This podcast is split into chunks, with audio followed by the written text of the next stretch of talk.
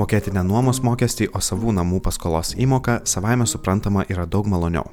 Tačiau prieš tai daugeliu laukia kitas procesas - taupimas būsto pradiniam įnašui.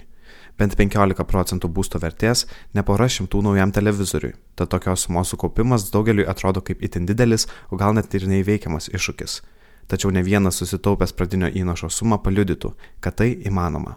Tad kaip taupyti nuo savam būstui? Elksenos specialistai pabrėžia, kad norint pasiekti taupimo tikslų, jie turi būti konkretūs, išmatuojami. Todėl tikslas sutaupyti pradinio įnašo įmokai nepadės efektyviai jos siekti, greičiausiai būsime linkę atidėlioti taupimo pradžią. Turėtume realistiškai įsvertinti sumą, už kurią galėtume sauliaisti įsigyti būstą. Tuomet suskaičiuoti, kiek reikės sukaupti pradiniam įnašui bei nusimatyti, per kiek laiko tai realu padaryti. Iš pirmo žvilgsnio 10 tūkstančių eurų ar daugiau siekianti suma gali atrodyti neįveikiamai didelė. Tačiau išdalyjus ją per pavyzdžiui penkerius taupimo metus, tai nebeatrodo kaip misija neįmanoma. Vis dėlto čia svarbu prisiminti vieną taupimo ir investavimo tiesą. Norint efektyviai sukaupti reikiamą pinigų sumą, pradėti reikia kuo anksčiau, bei tai daryti reguliariai. Apskaičiavus, kiek per mėnesį teks atidėti taupimui, gali paaiškėti, kad tiek atliekamų pajamų neturime. Tiesa, nors neretai laikomės nuomonės, kad taupyti mums trukdo nepakankamos pajamos, realybėje tai dažniau nulėmė subjektyvios priežastys - mūsų įpročiai ir pasirinkimai, kaip ir kam išleisti pinigus.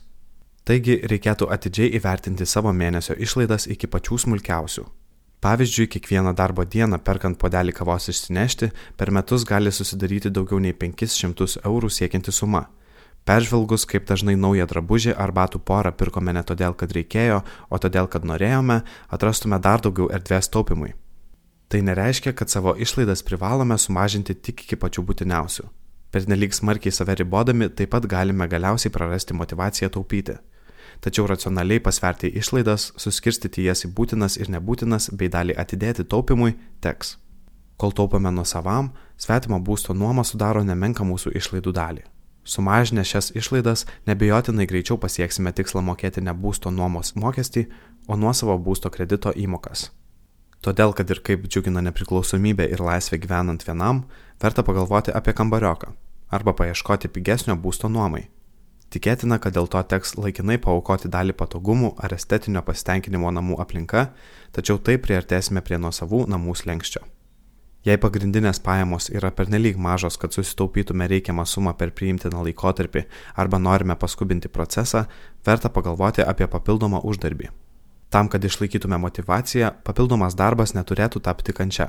Todėl svarstydami apie veiklas, kurios galėtų atnešti papildomų pajamų, pirmiausia turėtume pagalvoti apie tai, ką mėgstame veikti.